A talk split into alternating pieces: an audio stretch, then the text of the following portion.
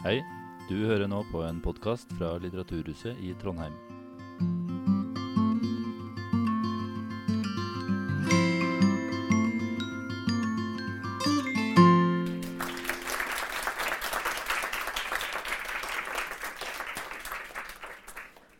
Tusen, tusen takk for det, og velkommen til alle. Veldig hyggelig å høre at så Høre, faktisk. Og se, gjør jeg. Er, sansene er på plass.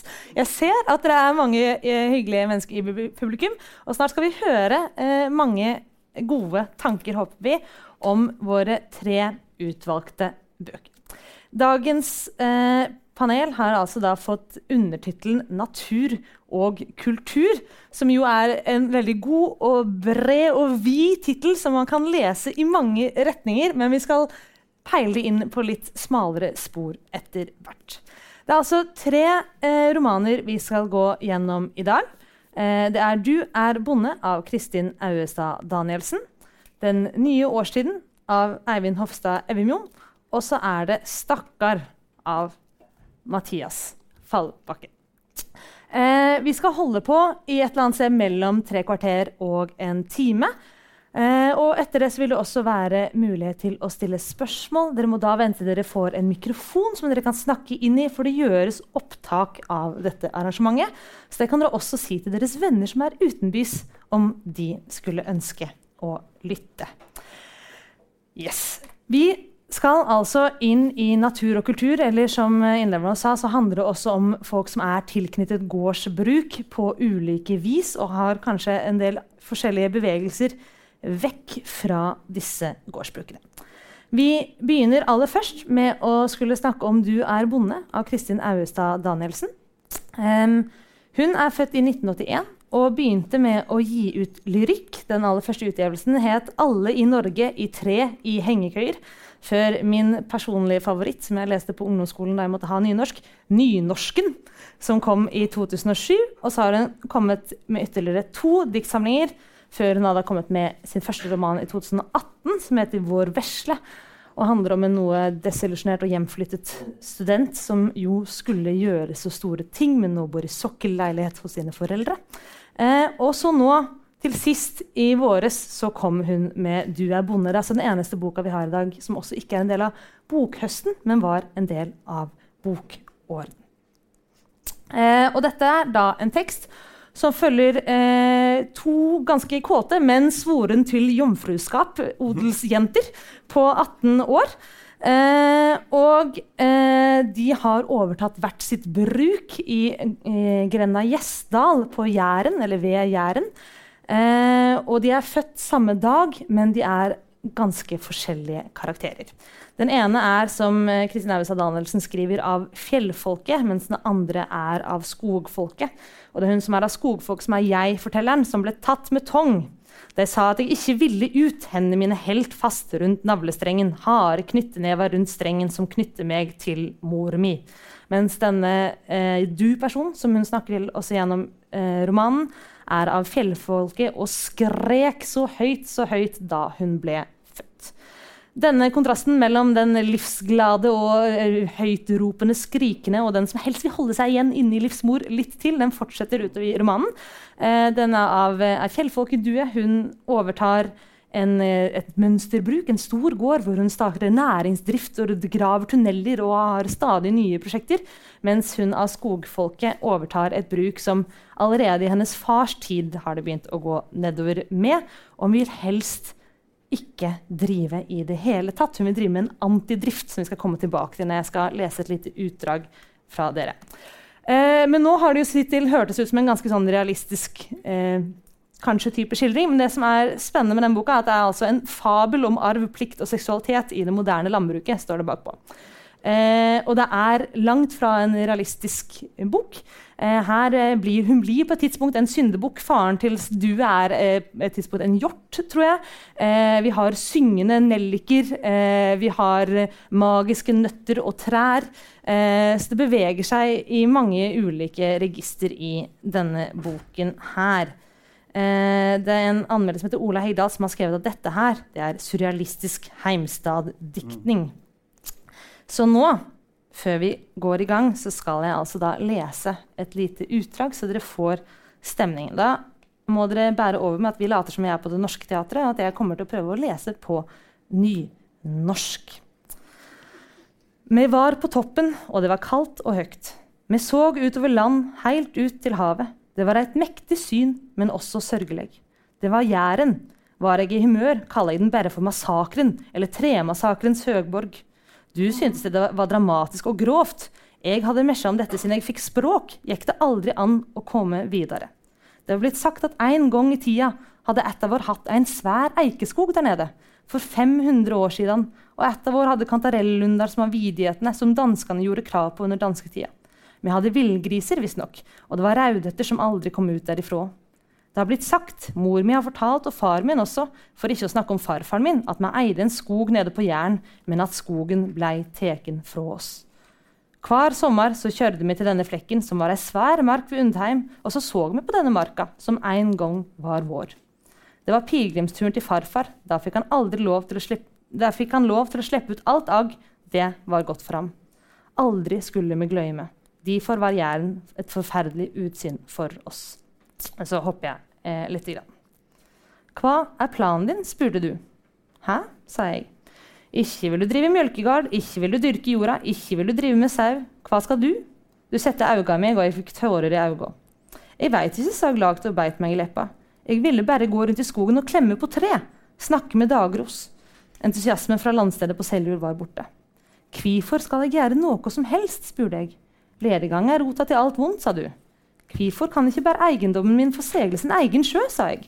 En form for antidrift, der naturen får ta tilbake det som slekta mi har odla og odla i hundrevis av år, sa jeg og la meg rundt en stein. Hvorfor vil jord drives? Kan det ikke bare få være? Du så på meg og klappa meg på panna og tørka vekk tårene. Mennesket er ikke lagd for å gjøre ingenting, sa du. Du må gjøre noe. Eh, og så hopper jeg litt en til.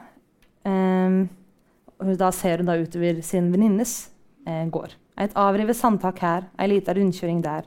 Ei tunnelåpning her, en næringspark der.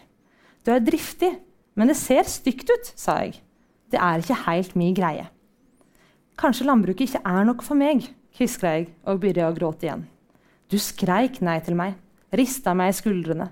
Du skreik 'nå får du faen meg skjerpe deg'. Du har tomt, du har jord, du er ikke leilending, du er bonde. Du er bonde. Du er bonde. Og da skal du bondelere. Så det er altså eh, 'Du er bonde' av Kristin Auestad Danielsen. Og jeg tenkte vi skulle starte med å snakke litt om denne antidriften, som jo går som et sånt prosjekt eh, gjennom hele, eh, hele, romanen. Og rett og slett Hvordan syns dere dette fungerer? Denne antidriftstråden. Ja, si det. Uh, jeg leste også, jeg tror samme anmeldelse som mm. lest, uh, hvor um, Nå parafraserer jeg hva han skrev. da, Det var en bonde som hadde anmeldt det her. Uh, Frilansanmelder i NRK. Uh, og han bemerka vel noe, at, noe i retning av Nå gjendikt jeg litt, òg, men at profesjonelle lesere ville hoppe av før de kom til slutten. Ja. Mm. Det er en, uh, si, en, bok med mye motstand. Uh, og uh, skal man være uvennlig, så kan man si at den kanskje bare spor av å være dårlig redigert. Uh, rett og slett fordi selv med relativt grundig lesning og fra en relativt skolert leser, så er det vanskelig å orientere seg i romanens her og nå. Mm. Hvorvidt det er der og da eller her og nå, står av og til litt usikkert. Så det er en form for Hva skal vi si? altså, syretripp. Uh, den, den, har noe av det, uh, med, med, vilje. da. Uh, nå leste du, du, så vakkert at plutselig så begynte jo ting å henge sammen her. det er noe med hva foredraget gjør. Mm. og Uh, det røper jo også det lyriske elementet i, uh, i romanen. Mm. Uh, men ja, selv en trener leser blir utfordra her. Ja. jeg er ikke helt sikker på om gevinsten står i samsvar med, med strevet. Mm. men det er da en midlertidig dom og et resultat nesten jeg at man sitter her og rasker gjennom tre romaner på ei uke. Ja. I et terreng som man vanligvis ikke besøker. Var, jeg vet ikke om det var den anmeldelsen, men det var jo noen som sa at, var, at den romanen er som et villnis, og at iblant så kunne den kanskje vært litt mer striglet uh, for å være, være lett uh, å følge. Men hva med deg, Henrik? da? Er det Vanskelig å si seg uenig i at det er visse ting som kunne vært bedre. Det er det jo ofte som regel når man leser en bok. Men jeg synes at denne antidriften uh, passer godt inn i det universet hun skaper. Det fabulerende og veldig kreative og overskuddsrike universet. Jeg synes jeg kan jo lese litt til, så kanskje vi kan overbevise om at det mm. fungerer bra. da. Eh, et sted som jeg også har hørt at andre anmeldere i podcaster sånn har løftet frem, og et uttrykk som jeg syns viser veldig godt dette humoristiske eh, stemningsleiet som hun holder på gjennom hele romanen. Så hovedpersonen vår, eller eget, jeget, har drømmer gjennomgående som blir eh, fortalt til oss lesere. Og dette er da den tredje drømmen som jeg har. Jeg drømte. Jeg drømte om 100 000 fullmåner. Det rumla i magen. Det levde inni der. Det sa plopp, plopp. Det var ikke tarmen. Det var inni kjødet. Kjødet inni livmora. Det var der det skjedde. Himmelen var full av fullmåner. Det gikk et, et ras. Det svartna for meg, og jeg drømte at engelen Gabriel kom til vinduet mitt og sa, Vær ikke redd. Du skal plante Guds skog, Guds hage. Aldri skal det komme baby ut av din skjød med nøtter. Nå har du fått deg, og nå skal du plante marka. Fylle marka med nøtter. La det vekse tre. Og det blir tre. Du skal fylle marka med tre. Treas tid er her igjen. Jordlappene si tid er over. Nyryddingas tid er over. Traktor skal bli stille statuer fra ei svunnen tid. Forhaustaren blir ein bau stein. Snauskallejente, plant trea, gi deg tilbake til der dei kom fra, så fuglene får heimene sine tilbake, så mennesket kan ly over det kavete sinnet sitt. Plant trea, og du skal ikke angre, snauskaljente. Snauskaljente, for hun har kort hår, da. Denne skogen skal være din baby. Du kan døype skogen Jesusskogen hvis du vil, eller du kan kalle han opp etter deg sjøl, Snauskalleskogen. Og så er det viktig å nevne at de er veldig religiøse. Det er veldig religiøst miljø. Så Derfor det er referanser til Gabriel og Jesus. da. Jeg kan fortsette litt til, for Det som kommer nå er det som er litt ekstra morsomt. da. Jeg knelte mot Gabriel. Det skal bli. Jeg lova. Jesusskogen skal bli. Eller Snauskalleskogen. Hmm. Jeg tvilte. Til og med i drømmen tvilte jeg. Jeg tvilte så hardt at jeg vakna av det. Og da jeg vakna, lå jeg i en haug av nøtter som var store som mandariner. Fra skjødet en haug, så stor en haug av nøtter. Jeg så på den svære haugen. Det likna noe et ekorn hadde samla sammen for vinteren. Jeg så på den svære haugen. Alt det hadde jeg hatt inni meg. Jeg kjente meg tom og begynte å gråte. Men jeg visste jo det nå, at det var dette jeg hadde fått. Dette var mine egg, og de var ute av meg nå. Det sa seg sjøl. Slekta mi hadde hatt en slik nøttelengt at genetikken hadde laga det slik til at i mitt slektstre så skulle jeg være full av nøtter, ikke egg. Barna mine skal ikke heite Anna, Monica og David. De skal heite Eik, Ask og Bjørk. Ja, og jeg må innrømme at jeg, altså sånn, Dere ler jo nå, og dere lo av denne at du skal bonolere. Altså, det er jo en sånn språklig humor og overskudd her som er veldig veldig morsom. Og det jeg lurer på er egentlig, for Jeg, altså, jeg leste egentlig denne i våres, så måtte jeg lese den veldig fort igjen nå på nytt. for jeg skulle lese den nå.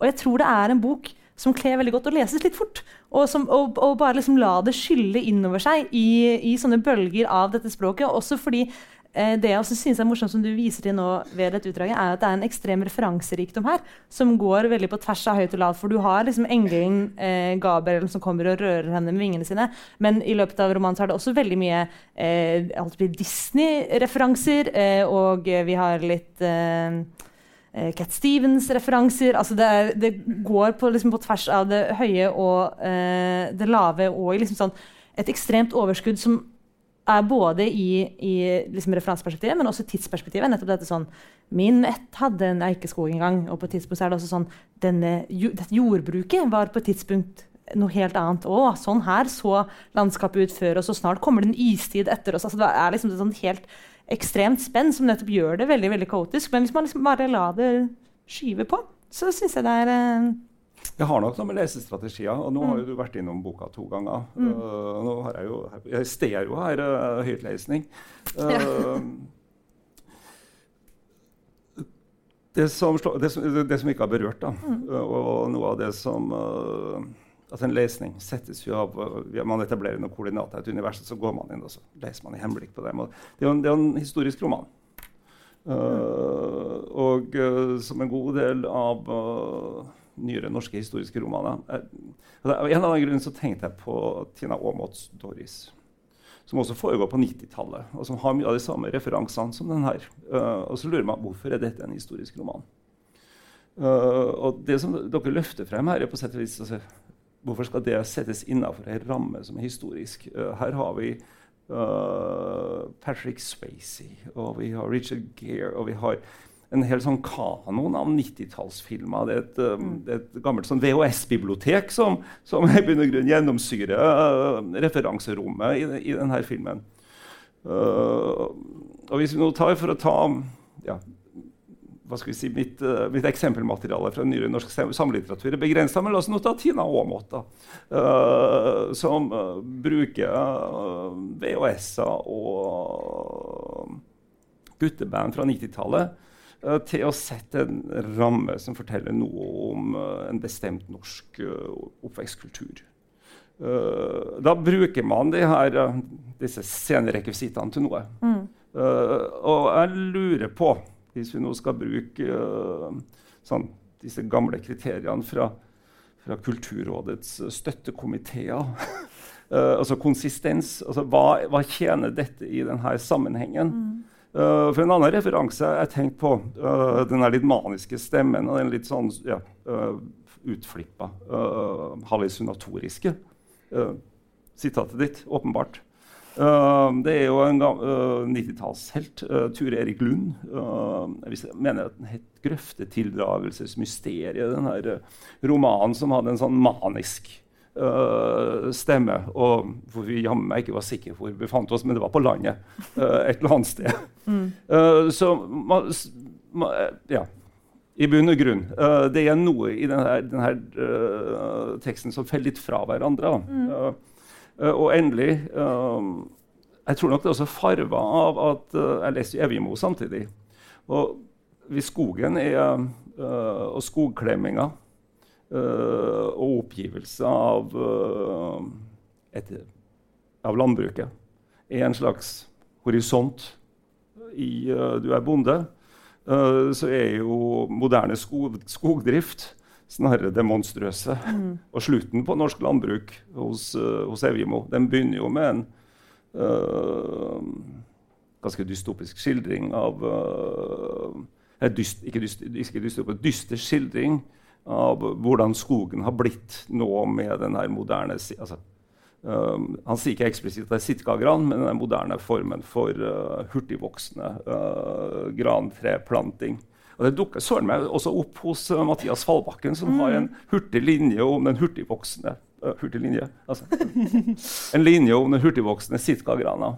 uh, som en annen type skog, da, uh, hvor da nettopp uh, det industrielle skogsbruket er uh, det norske landbrukets uh, fiende.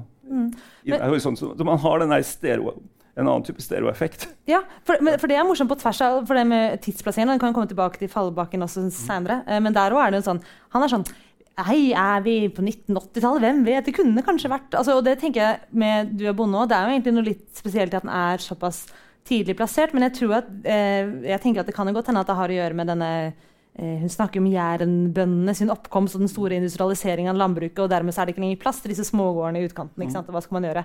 Ehm, så da går hun heller rundt og planter trær, og planter av trær ikke bare på sitt eget land, men hun vil plante trær overalt og hiver sine nøtter rundt om på hele Jæren, så man får den store jærskogen. Og skjønner ikke hvorfor dette kan være noe i veien for at hun kan gjøre det.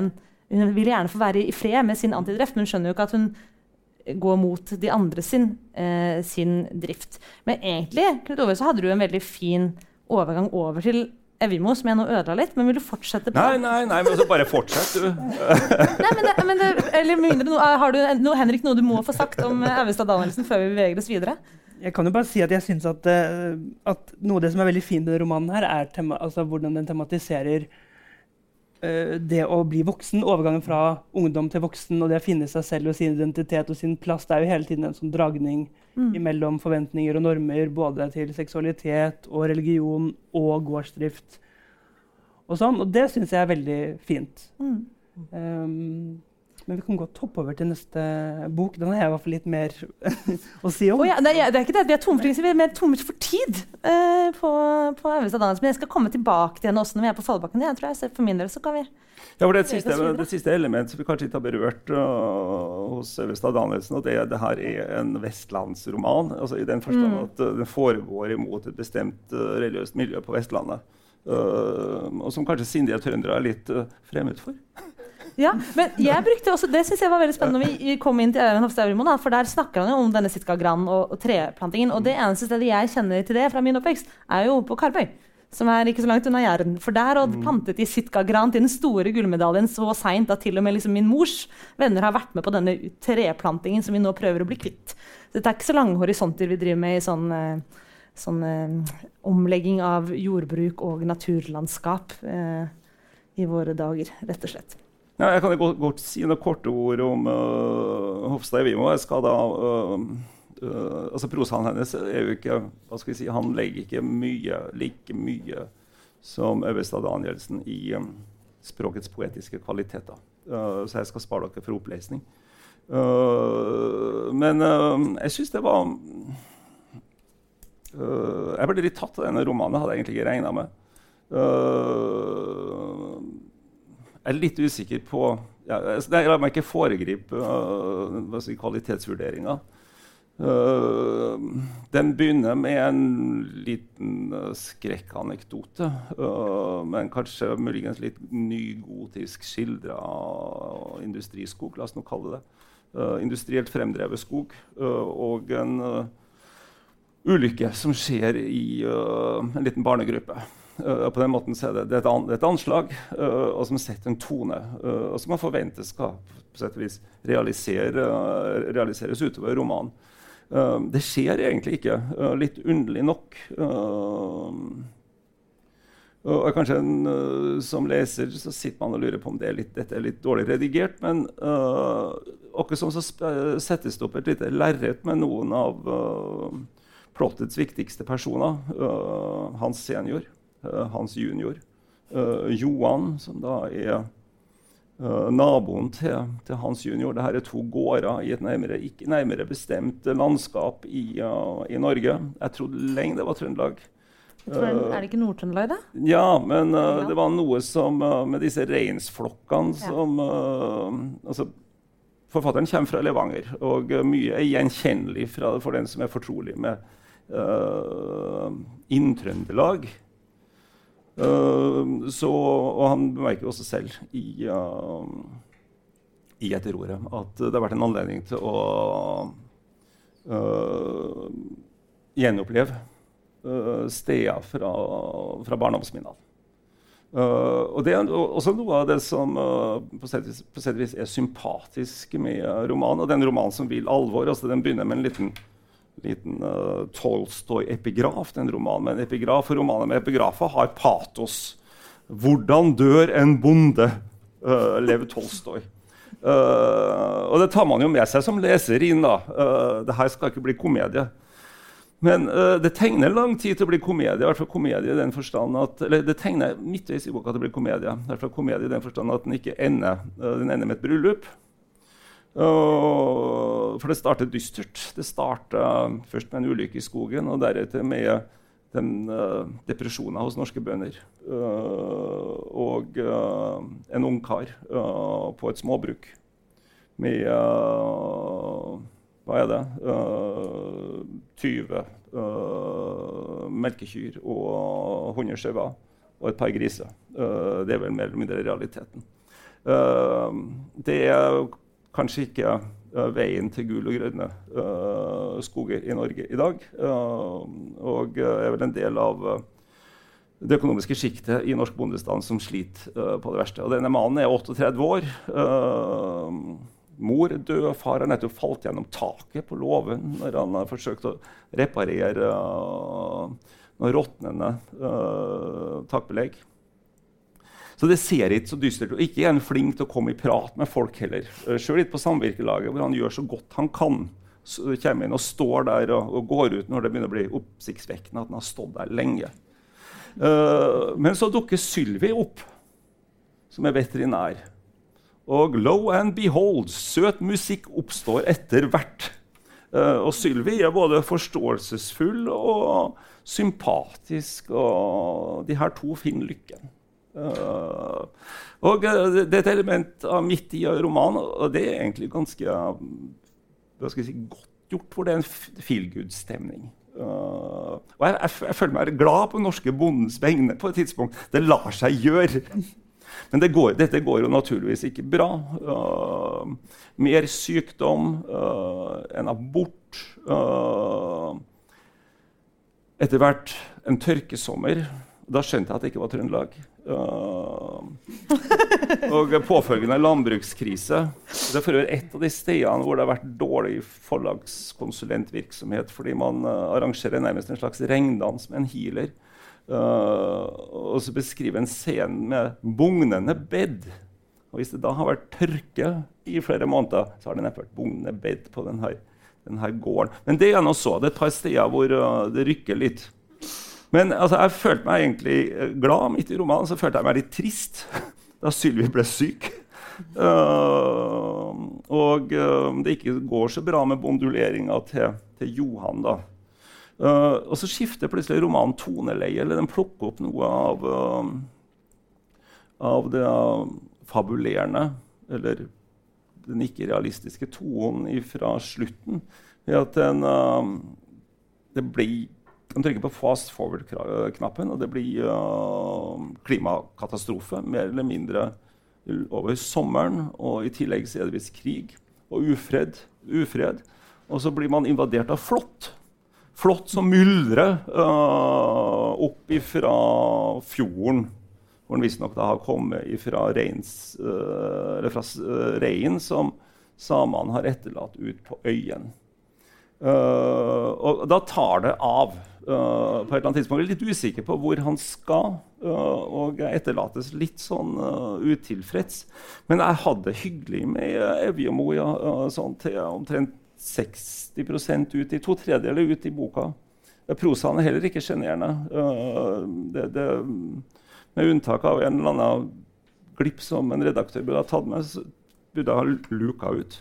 Uh, så er det stort sett det er velformulert og ja, som sagt, på det beste meddrivende. Uh, det er også en erindringsroman.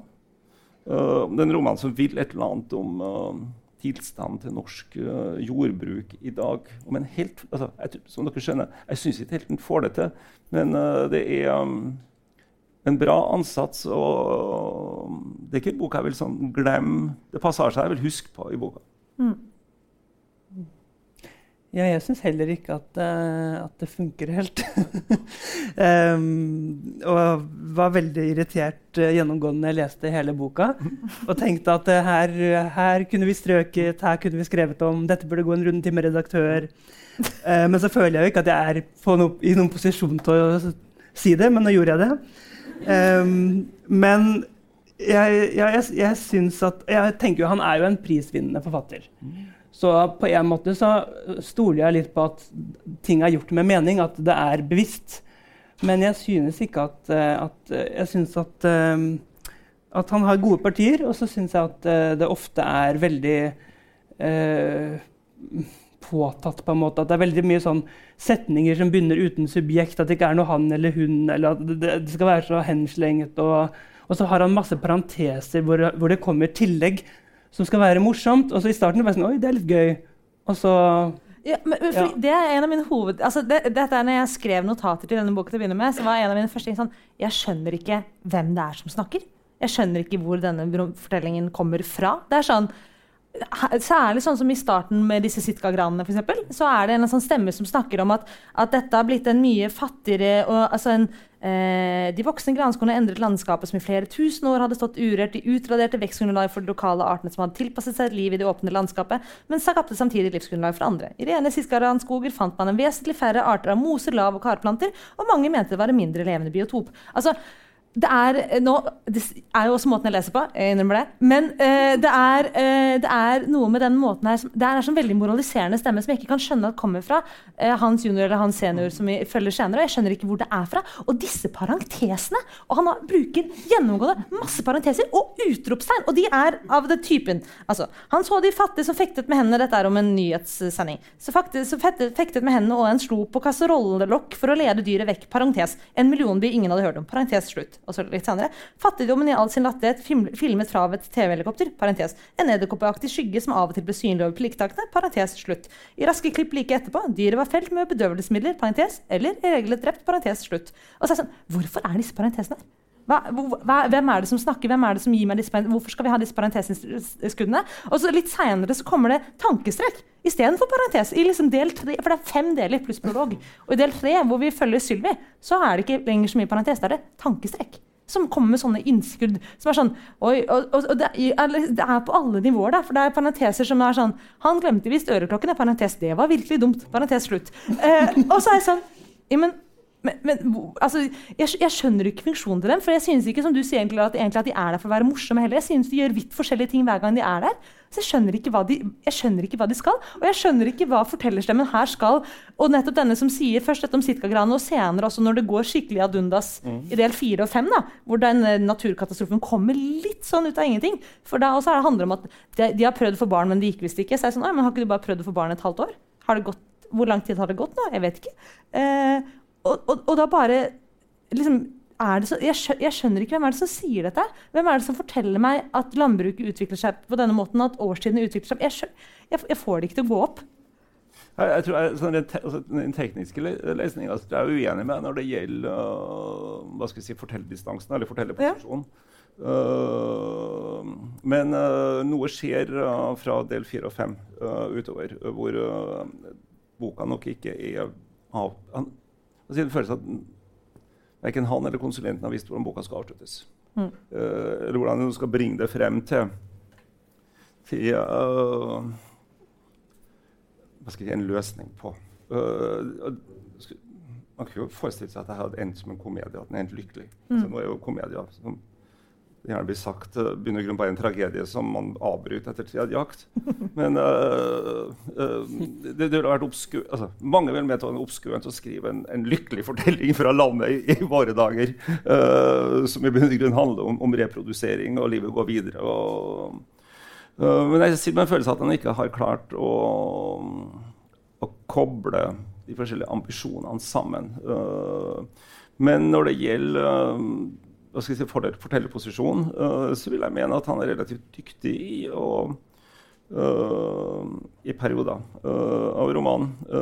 Og skift blikk, ja. Det er et annet blikk vi har i, i innledninga enn det vi har når vi følger Johan junior. En- Og som vi, når, vi har, når vi følger Sylvi, som vi er tettest på av, øh, av karakterene. Nå forsøker jeg å være raus, da, for jeg har gleden av å undervise Virginia Woolf for tida. øh, og er det noen som kan akkurat det der, så er det vel uh, hun. Øh, så man kan lett uh, være lite sjenerøs med noen som forsøker det samme. Men jeg syns ikke det er så, så mislykka som som uh, dere nå antyda. Nei. Ja. Nei, nei men, men jeg tror bare fordi altså, jeg er altså, og det Jeg skal er- lese litt hurtigere, vet du. Hæ? Jeg skal boka litt hurtigere. Eh, ja, nei, jeg leser den raskt nok. Men, men uh, uh, jeg tror bare at, at jeg nettopp eh, det, Jeg synes ikke det føltes eh, som noe som At han alltid var helt bevisst det sjæl. Jeg tror det er det som kanskje var min at den der, sånn, altså sånn De hovedgrepene sånn, ja, ja, at det er Hvis han møter Sylvi og han ser noe, han ser noe de er, altså, Det ser jeg jo helt fint. Uh, og noen av gangene han, han trer ut og er sånn utenfor, så er jeg også litt mer med på det. Men det er også en del av de gangene jeg er litt sånn Men, men hvor kommer dette fra? Som jeg syns var veldig vanskelig å forholde meg til. Men kanskje jeg bare eh, ikke godtok at han kunne vært en, en wolf. Rett eh, og eh, slett, tror jeg, tror jeg her. Men det, for jeg tror også det handler for meg litt om den derre men det er en spennende ting synes jeg, med disse perspektivskiftene. For han har et tidspunkt Vi følger først, da. Eh, som jeg egentlig også er litt sånn, Først er det hans junior, og så er det hans senior. Men hans senior handler også veldig mye kapittelet handler også egentlig veldig mye om hans junior. og egentlig for sånn generasjonsskiftforhold. Og så kommer Sylvin i kapittel tre. Og hun er jo da der på mat, fra Mattilsynet og skal gjøre oppsyn med gården. Eh, og det som jeg synes er spennende som skjer der, er at du plutselig blir veldig usikker på alt som har blitt fortalt i de to første Ja. delene. For der har du fått inntrykk av at hans junior han gjør en veldig god jobb. Han er glad i dyra sine. og han har, Det er noen sånne sleivkommentarer om at kanskje han sparket bort en snute når han har sparket under høyet i midtgangen, men det er slik som skjer. Eh, men du tenker ikke noe videre over det før du kommer til del, tre. Og denne Mattilsynet-damen kommer og liksom ser på ting og liksom bemerker sånn Ja, der var det et jur som ikke var så rent, og vi har fått vite at han slurver litt med urvasken tidligere. Altså, det, Der syns jeg dette perspektivskiftet funker fint. Så jeg skal gi ham at det Ja, at det funker. Nå så det Henrik ut som han satt inne med noe. Nei, jeg bare nikker enig. Og jeg, er helt enig, men jeg syns, at, eh, jeg syns det er interessant de perspektivskiftene, og at vi får følge får ulike perspektiver på variasjoner av det samme. Men jeg synes, som det har blitt nevnt i del fire del fem I del fire så kommer plutselig kapittelet heter 'Den fremmede Siriporn', som er en thailandsk dame som kommer og blir sammen med Johan, som er han naboen og broren. Eh, og der, fra kapittel fire, så syns jeg ikke det funker like bra. For da er det sånn OK, vi putter inn det for å gjøre det dagsaktuelt, eller for å gi jeg, Ja, jeg syns at det funker, akkurat perspektivene, og når, vi, når de er sårbare, de hovedpersonene. Og det handler jo om veldig ensomme mennesker, det syns jeg er fint. Men jeg synes ikke at eh, eller, ja, Nesten litt sånn komedie at det er veldig typete folk. Jeg føler ikke at jeg kommer helt under huden på karakteren. Og det er kanskje det som jeg irriterte meg mest over. at eh, Jeg syns det er 270-ish sider med ganske overfladisk eh, overfladiske skildringer. Jeg føler ikke at jeg helt kommer i dybden. Men det kan jo også være at jeg leste litt Ja, for Ja, jeg tror det har, slå, altså, det har slått meg. Jeg har tenkt på de her romanene. Man leser dem jo også litt sånn i tverrsnitt. Da, og, og ingen av dem er um, utprega psykologiske romaner. Altså, dette er typer. Uh, og uh, altså, uavhengig av at vi, vi kan komme relativt tett på noen av karakterene, så at Jeg vil nøle med å si at de er um, utprega psykologisk. Uh, de vakler et eller annet sted mellom, uh, mellom, mellom typen og karakteren. Uh, så vi er, vi er litt for distansert. Um, og det er vel noe av um, også ambisjonen hans.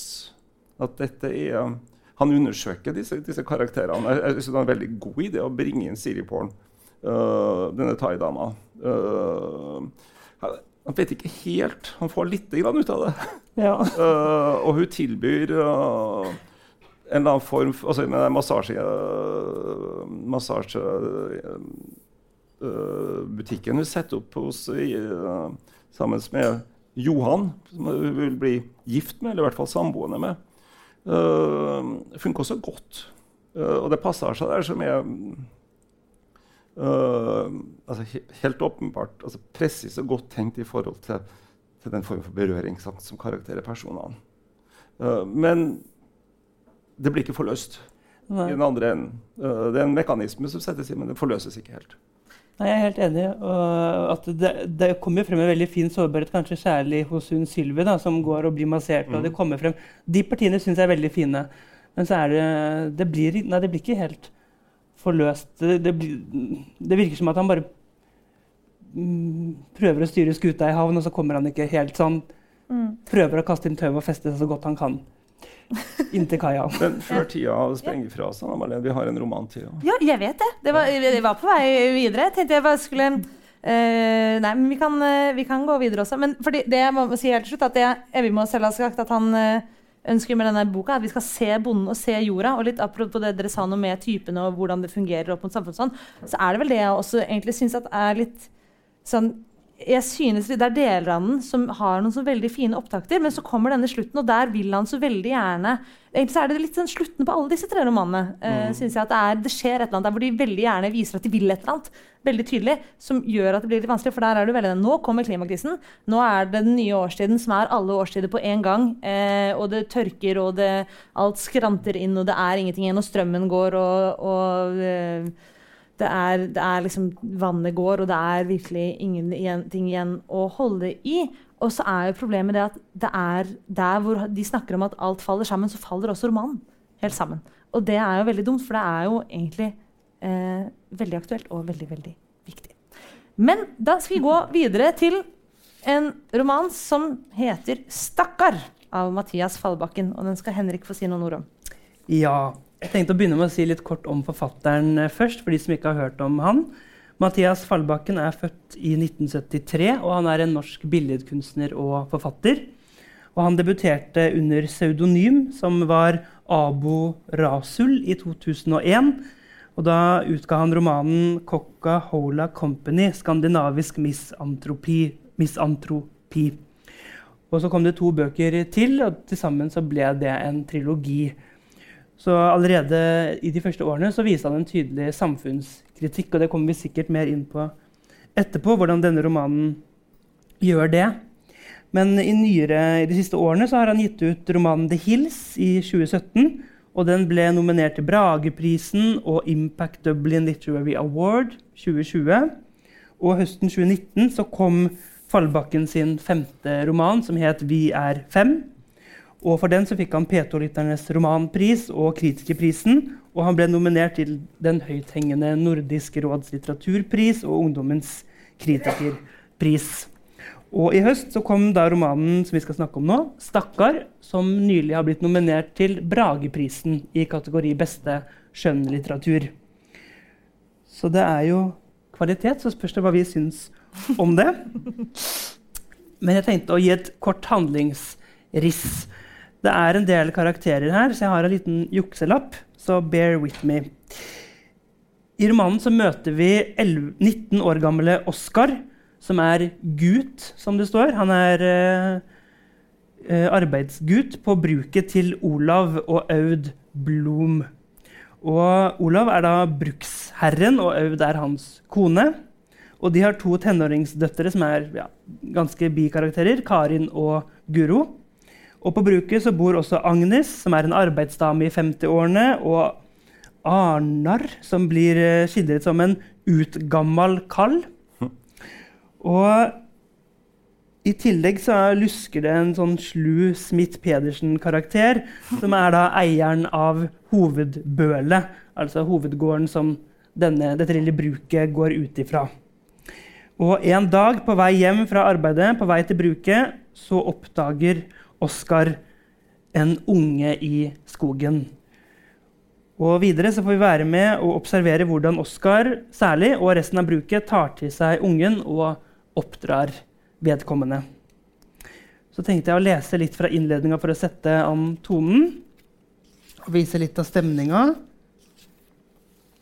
Så romanen begynner slik. En gang for ikke lenge siden kom et barn, stakkar, krypende ut fra skogen. Ungen kløv opp grøftekanten og begynte å lunte på måfå bortetter grusveien. Det var et sørgelig skue. Denne ungen var ustelt og fæl, håret lå i pølser, pannen vred seg, et skremt blikk stakk ut, øynene virret over to skorpete nesehull. Leppene var stive og blå og halsen altfor tynn. Rundt overkroppen slang en lang klut eller fillete vest, og nedenfor stavret to spinkle ben med kneledd bredere enn både legg og lår. Ungen var uskodd, de overdimensjonerte føttene lignet våte raggsokker. Knokene på den ene hånden støtte nå og da i bakken, og inntil ribbena klemte den spede, krumme figuren en slitt mappe, kanskje en konvolutt, som om et dyr kom ut fra skogholtet med en beskjed. I motsatt retning kom Oskar. Han hadde jobbet på sletta og skulle hjem til bruket. Opp denne grusveien gikk han hver ettermiddag etter endt økt, og han ruslet alene som vanlig. Bare tre, tre slake svinger til, så var han fremme da skulle han hvile for kvelden.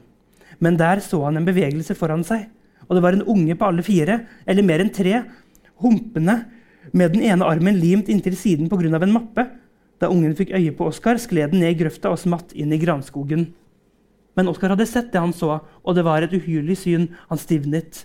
Nei, det kunne ikke være. Hadde han blitt skrullet av all alenegåingen? Oskar beveget seg langsomt frem til grøftekanten og stirret inn mellom trestammene. Etter noen anspente sekunder rykket det til der inne. En kropp gjorde et byks og forsvant i voldsom fart. Oskar måpte og tenkte at det måtte være et lite rådyr, en kalv. Men hva da med klesfillene og konvolutten? Prikk, prikk, prikk. Hva med ansiktet? Så har jeg et spørsmål som jeg syns er litt interessant. Vi fikk jo kjenne litt på fortellerstilen her. Og spørsmålet jeg tenker vi kan begynne å diskutere er, Fungerer denne fortellerstilen som Fallbakken legger opp til i starten av romanen? Altså, jeg tenker Det er det som bærer hele romanen. Ja. Det, det, det, er litt, det, er jo litt som eh, Jeg synes det er en del trekk man kan dra mellom Fallbakken sin bok og Auestads sin bok, som jeg tror også er grunnen til at jeg liker så godt. Fordi jeg synes eh, de er så sprudlende. Det er så mye energi. Det er så mye sånn det, det, er liksom ting som er liksom, Dette er egentlig litt teit, men jeg syns det er veldig morsomt. fordi det er litt, Jeg tror jeg synes det har vært litt deilig avveksling å lese sånne språklige krumspring som det er veldig veldig mye av både hos Austad Danielsen og Eh, også hos eh, Fadbakken. Og det er noe med denne fortellerstemmen eh, hos begge to som også veksler sånn liksom inn og ut mellom det noe realistiske og mer sånn folkeeventyraktige. og det er jo enda sterkere i Stakka. Er, du føler virkelig at, og det skriver han jo selv, at de går rundt som et par H.C. Andersen-karakterer eh, når de kommer inn etter hvert til hovedstaden, som man jo selvfølgelig ender opp i eh, når man beveger seg vekk fra, eh, fra bondelandet. og jeg tenker det er mer det enn handlingen som gjør at jeg syns dette er gøy. Fordi det er jo eh, også her en sånn utvikling med den siste halvdelen så er det litt sånn hm, skjønner ikke helt hva du skal med dette her. Og her òg kanskje som i de to andre, litt sånn rar slutt, eller litt sånn brå slutt. Sånn, ja, men nå, litt sånn, Jeg skrev en stil på ungdomsskolen, og da, da drepte jeg alltid karakteren min til slutt. ikke? Fordi du vet hva du skal gjøre. Du må slutte. Og det tenker jeg litt i alle disse romanene, at det er sånn, det er ingen utgang av det. Fordi de er mye mer tilstander eh, og språklek eh, enn de er på en måte kanskje egentlig eh, en handling. Men jeg synes det er, er, er mye fint eh, på det. det for eksempel, altså, han har en sånn del eh, skildring av f.eks. Vi har disse døtrene eh, til Blom, Blum, Blom, Blum eh, som begge var kjent for å ha masse følelser, men ingen følsomhet. Så litt senere så står det at alt smakte godt, men var også smakfullt. Altså Det er jo egentlig bare skikkelig dust, men jeg koser meg veldig veldig, veldig eh, med det. Og det er det er den energien, og også denne fortelleren som er sånn Kanskje vi var i 1980, kanskje 100 år før, kanskje 100 år senere. Hvem vet hva vi egentlig drev med? Det vi skulle fram til, var egentlig ikke dette her. Men, men ops, la meg ta altså, Og hele tiden tar sånn, og liksom leke med oss, da. Som om det var en forteller som satt og liksom fortalte for en litt små barn. Og er sånn Nå har jeg lagt fram dette, men det vi egentlig skulle se på. Og det, og det det jeg syns er gøy. Eh, så, jo, så, for meg så syns jeg det er kjempe Men om det er nok, er jo kanskje et annet spørsmål. da. At jeg syns det er kjempegøy. Ja øh, altså Fallbakken har jo øh, har jo fulgt den siden skandinavisk misantropi. Og han har blitt bedre til å skrive. Uh, de tidligere bøkene var jo prega av uh, forfatterskole. og at han var kunstner. Han i grunn hadde et, hva skal vi si, et, et bredt multimedialt prosjekt. Han brydde seg ikke så mye om stil. jeg vil kanskje være ikke litt uenig med Hanna Malene. og si at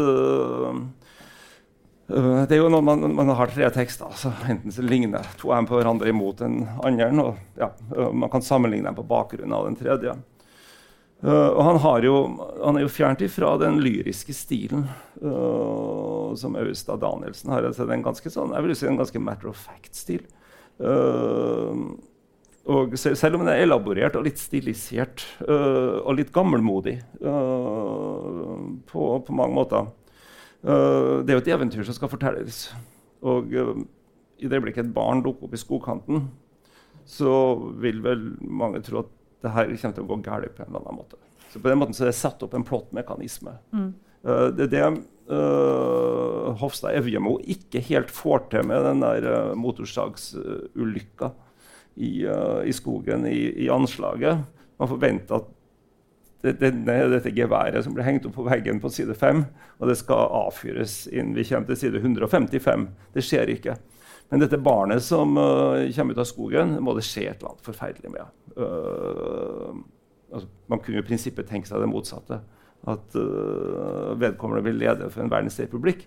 Men det, det, ligger i bunn og grunn i eventyrets eventyrets logikk at med dette så settes det et plott i gang, og det får en utgang. Uh, og det ender gjerne tragisk, i hvert fall i de her uh, sentraleuropeiske uh, eventyrene. Og det, det, er jo basert på en, det er et forelegg da, det, uh, som ek, henvises eksplisitt til i teksten. Det er Kaspar Hauser-fortellinga av dette barnet som dukka opp i 1820-tallet i, i, Tyskland, som har vokste opp i en kjeller uh, og deretter levd ute i skauen, og som da ble funnet på et tidspunkt og hadde mista talens makt og gikk på alle fire og var mer dyr enn menneske, og som ble tatt, uh, tatt vare på. Så det er en Kasper Haser-fortelling, og det dukker opp i rettsforhandlingene uh, på slutten at, hvor forsvareren til Uh, til jenta. Uh, dette er et eksempel på Kasper Hauser-syndromet. Så I den forstand så er det jo en, det en stilisert, uh, det en stilisert fortelling, og det er stiliserte typer. Uh, og det gir jo også dette liksom 1980-verden. Fordi det, det, en, det, var en gangverden vi, vi, skal inn i. Men så, så, må det være 1980 av forskjellige grunner. Han har behov for en jernbane. Uh, han har behov for Oslo. Mm. kan man spørre hvorfor 1980? Altså Hvorfor opererer han på omtrent samme tidspunktet som Evjemo begynner å uh, ja, uh, Umiddelbart før Øyestad Danielsen. Det er en sånn slutten av forrige århundre som en form for formative tiår. Mm. Uh, ja, så det, det, altså det, er en fabel. Er igjen en fantastisk historie. Og som ja, velger eventyrets sjanger, da. Jeg er heller ikke helt sikker på hvor mye klokere jeg har blitt av den, bortsett fra at jeg er godt underholdt. Ja, men for Jeg tror det er det jeg mener ikke at, har, liksom, at språket ligner, men det er en språklig lek. er det ja. som er, er, er drivende, og det er det jeg syns er gøy. Og det er jo også jeg leser også da den når jeg var på eksil tilbake i min fødeby i Oslo. Og han har jo noen sånne lange utlegninger om eh, Oslo som by, som jeg også syns er veldig For han er, jo, han er jo egentlig eh, kunstner, og det viser seg i en særlig opphengthet i taktilitet. Altså materialer. teil, sement, mm. glass, betong. Det er spennende saker. Eh, og Oslo blir liksom dermed bare et sted som bare er opphopning av, opphopning av teil og sement. Og eh, Akershus festning og Aker Brygge står der som liksom en sånn monument som bare venter og innbyr til å angripes. Altså, han har noen veldig sånn, fine blikk på Oslo, også Oslo som et sted hvor eh, det er en hel masse arbeid, men hvor ingenting produseres. Eh, og man gjør arbeid av en abstrakt art som egentlig ikke fører til noen ting. Altså, men jeg synes det er sånn det er veldig underholdende, men så er det jo nettopp, altså, det er jo det jeg føler hele tiden, det er veldig veldig godt underholdt. Jeg koser meg masse fordi jeg digger denne fortellerstemmen. Jeg, jeg, er gjerne med. Det går kjempefort å lese. Vi raser i vei. Her er det liksom gjennom alle disse eventyrene. Og så er det sånn OK, men denne altså er det liksom en kulturkritikk da, i dette her mot Oslo by og, og den moderniteten og eh, utenforskap, og hvordan vi også tar denne For da, denne ungen kommer jo inn i Oslo. Eh, og det starter jo med at hun, liksom, hun blir sånn der, sendt rundt på utstilling. Som en liksom sånn der, Her skal vi vise fram dette. Og det handler om hvordan er det kulturen vår møter det som er annerledes enn seg selv. Hvordan er det vi eh, paraderer dette rundt. Eh, så det er jo masse kritikk her. Men jeg tar ikke det så tungt. Fordi nettopp jeg er litt for sånn ha-ha, her er vi på tur, og Oslo, heia, ha, Oslo, dumme Oslo-folk som går rundt og kler seg som man kler seg i en by som er preget av framgang. Uh, så jeg klarer liksom ikke å la den kritikkbiten synke, men jeg klarte liksom ikke å ta det så tungt heller underveis i lesning. Det er jo temaet Fallbakken er glad i, det her det er freakshowet. Mm. Uh, det er også noe som uh, dukker opp i de tidligste romanene hans. hun blir jo vist altså, ja, på sett og vis vist frem. Uh, også mens de ennå befinner seg i uh, relativt lykkelige uh, omstendigheter på landet. så viser det seg frem som en raritet. Og Fallbakken kan ikke sies å være sentimental i så måte. Mm. og det er også eventyrets distanse. Absolutt. Jeg syns det Men hva syns du om distansen hans? da? Du har jo lest den såpass den med blikk for stilen? Ja, nei, jeg syns at, um, at, det fungerer veldig bra. Jeg leste veldig fort igjennom den og syns at det er et veldig effektivt grep for å skape tempo. Og at ja. det fungerer bra. At er, du kommer veldig inn, du lever deg veldig inn i handlingen, og, og, og det drar deg mer på, på reisen. Um, men jeg syns samtidig at det var ikke det jeg hengte meg mest opp i heller. når jeg leste faktisk. Jeg hang, hang meg Altså det som i betydninga avstand? Ja, altså for jeg syns at den har dypere lag, men nå er jeg veldig glad i Vigdis Hjorth og litt sånn psykoanalyse og sånne ting. Så jeg eh, hang meg litt opp i den tematiseringen av eh, det å være eh, et barn som er satt bort, og det å, med barndom og traumer, og hvordan det, det blir tematisert. Så f.eks. jenta er For de finner ut at den ungen er en jente. Jenta er voksen. En form for sjokk har låst henne fast i barndommen. Og så står det litt lenger ned vi ser på en barndom uten vitner. Og jeg synes at de tingene er At det er noen partier som er ganske eksistensielle. Eh, ikke at man nødvendigvis må se på det med psykoanalytiske ting, det er ikke det jeg mener, men at man det, han løfter det litt over noen ganger over det fabulerende og eventyret. Ja, spørsmålet er da, Det var artig, artig du tok frem det der stedet. fordi hvem er det som ser her? Uh, vi ser ikke altså, uh, La meg kanskje være litt mer reservert i, fra, fra, påstanden min i sted om at det er eventyrblikk hele tida. På fluktscenen i fluktpassasjene, første halvdel av del to, hvor de to rømmer, da ser vi jo han ifra hennes blikk, hvis jeg ikke husker feil. Uh, flukta gjennom skogen, hvor hun er den sterke, og han er den svake. Og han ikke klarer å ta til seg mat, og vi får en interessant reversering. Det har jeg ikke tenkt så hardt på for akkurat nå. Uh, for når du leste opp den passasjen, så er det tydelig at vi ser det her et sted fra. Og det er ikke nødvendigvis en, den olympiske fortelleren. Ja, det er det jeg også tenker på apropos tittelen 'Stakkar'. at Det nevnes også flere ganger 'stakkar', mm. særlig om Oscar. Mm. Uh, og det er interessant fordi at han blir Eh, eller Først blir det jo, som jeg leste i stad, stakkar nevnt om denne ungen, denne jenta.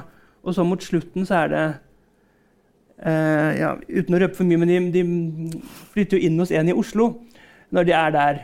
Og da sier vedkommende om Oscar at han er en stakkar. Så jeg føler at romanen tematiserer veldig bra disse barna som blir satt bort, som er utenfor, og viser at ja, og også generelt, alle karakterene her er nesten stakkar. Det er jo også denne mannen jeg flytter inn til. Mm. i den grad. Mm.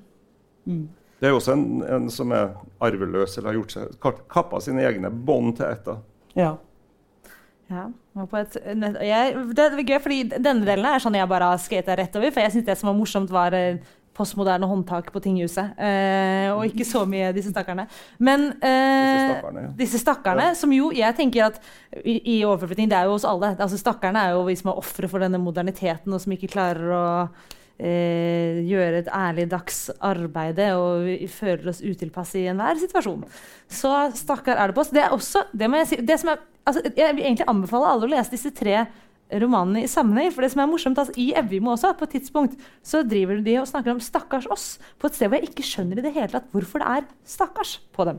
Eh, hvor det, hvorfor det er synd på dem i det hele tatt. Eh, og sånn fortsetter det på tvers av disse romanene at det er eh, mange referanser man kan ta på tvers. De har også en del eh, det har vi ikke snakket så mye om, men litterære referanser som går igjen. Det er litt Hamsun og litt Olav Hauge som dukker mm. opp eh, på tvers av dem alle sammen. Eh, men tiden den går fra oss. Så vi skal jo avslutte med det fantastiske spørsmålet som vi ender opp med hver gang, som er Men er det bra? Og da, Henrik, skal du få lov til å begynne, som sitter lengst fra meg. Takk. Jeg tenkte jeg skulle Jeg kan ta litt kort om hver bok. da. Hvis, mm. Når det kommer til 'Stakkar', som vi snakket om nå sist, så syns jeg at uh, Fallebakken selv oppsummerer boka veldig bra. Han skriver dette var både grotesk og fascinerende og vanskelig å ta øynene fra. Og derfor syns jeg det er bra.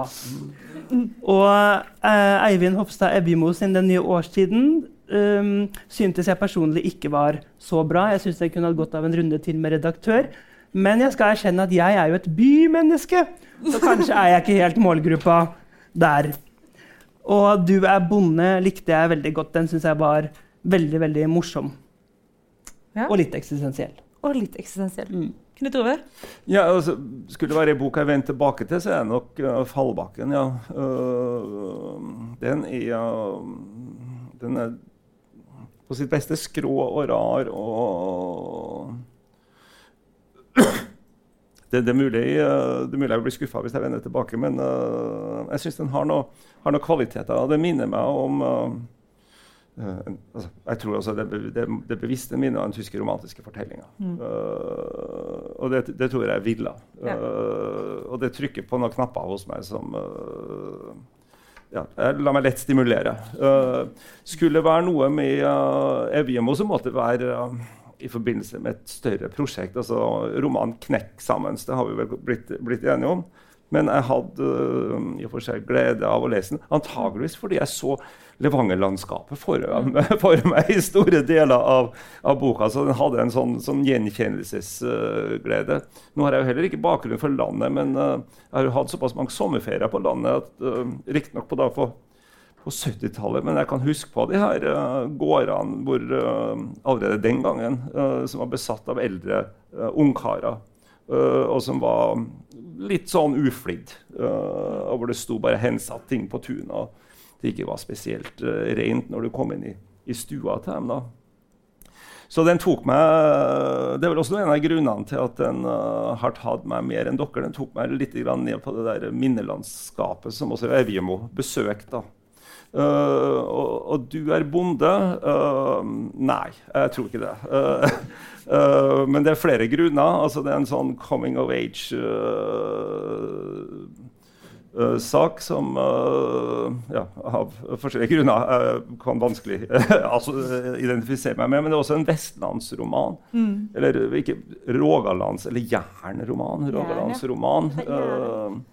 så den, den taler den henvender seg til ei um, litt mer begrensa gruppe, vil jeg si. da. Uh, men det er mulig at den kan, uh, kan åpne seg. da. Det kunne vært morsomt å, å, lese den sammen med andre forfattere som dyrker den der uh, den der uh, monomane, flommende, eksalterte mm. uh, ja, hysteriske stemmen. da. Mm. Jo, men, et, et, ja, ja, ja. Jeg, jeg, skjønner hva du mener. Ja, og at det skulle kanskje bli muligere å bli klokere på en altså det er Setninga i boka det har dere demonstrert på høytlesninga som er, er utmerka. Du merker godt at et menneske med en språklig fingerspissfølelse som de to andre ikke har. men som romanprosjekt nei. Mm.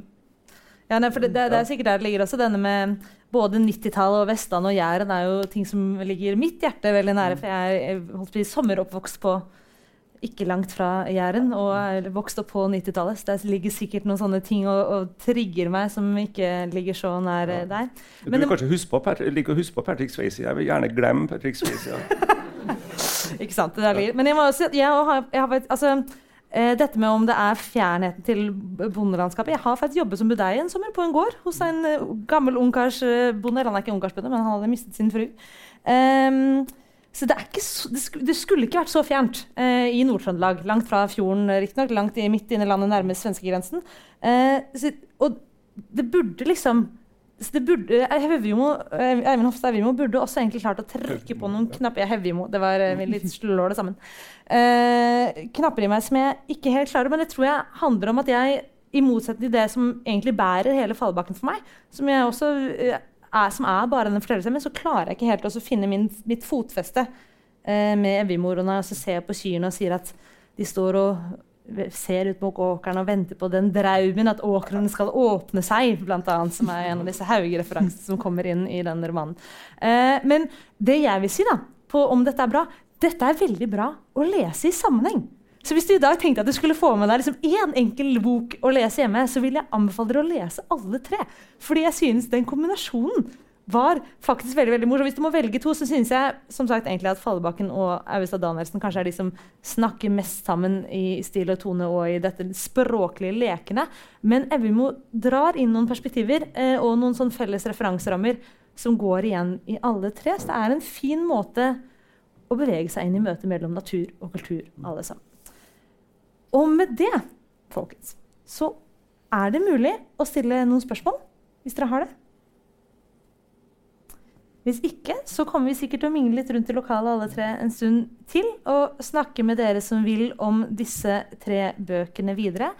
Tusen, tusen takk eh, til Henrik Aasgaard og eh, Knut Ove Eliassen for å ha sittet her med meg på scenen. Jeg heter altså Hanna Malene Lindberg. Eh, vi er alle sammen tilknyttet NTNU på ulikt vis. Og vi er veldig glad for alle dere som har kommet hit for å høre på oss i dag. Det blir mer, men er det bra til våren? Det er til og med lov til å si fra om det er noen spesielle tematikker eller bøker dere gjerne vil høre at vi diskuterer. Eh, og da gjenstår det bare å si tusen takk for oss.